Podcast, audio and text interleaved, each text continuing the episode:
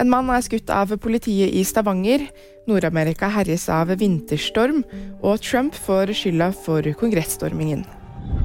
En mann i 30-årene ble torsdag kveld skutt av politiet i Stavanger. Mannen ble sendt til sykehus, og i en pressemelding fra politiet kommer det fram at mannen ikke er livstruende skadd. Han er sikta for trusler mot politiet, og Spesialenheten for politisaker vil etterforske saken. Det er vinterstorm i Nord-Amerika, og delstaten New York erklærer unntakstilstand. Like day, you know, Dette er ikke som en snødag da man var liten, sier president Joe Biden om den iskalde og snøfulle julefeiringen flere amerikanere kan vente seg.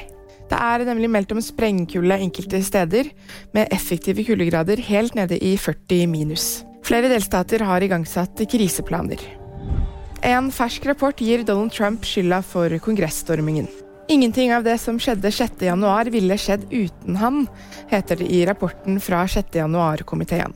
Den kommer etter en 18 måneder lang etterforskning av opprøret og den tidligere presidenten, og er på 814 sider. VG-nyheter fikk du av meg, Ingrid Alice Mortensen.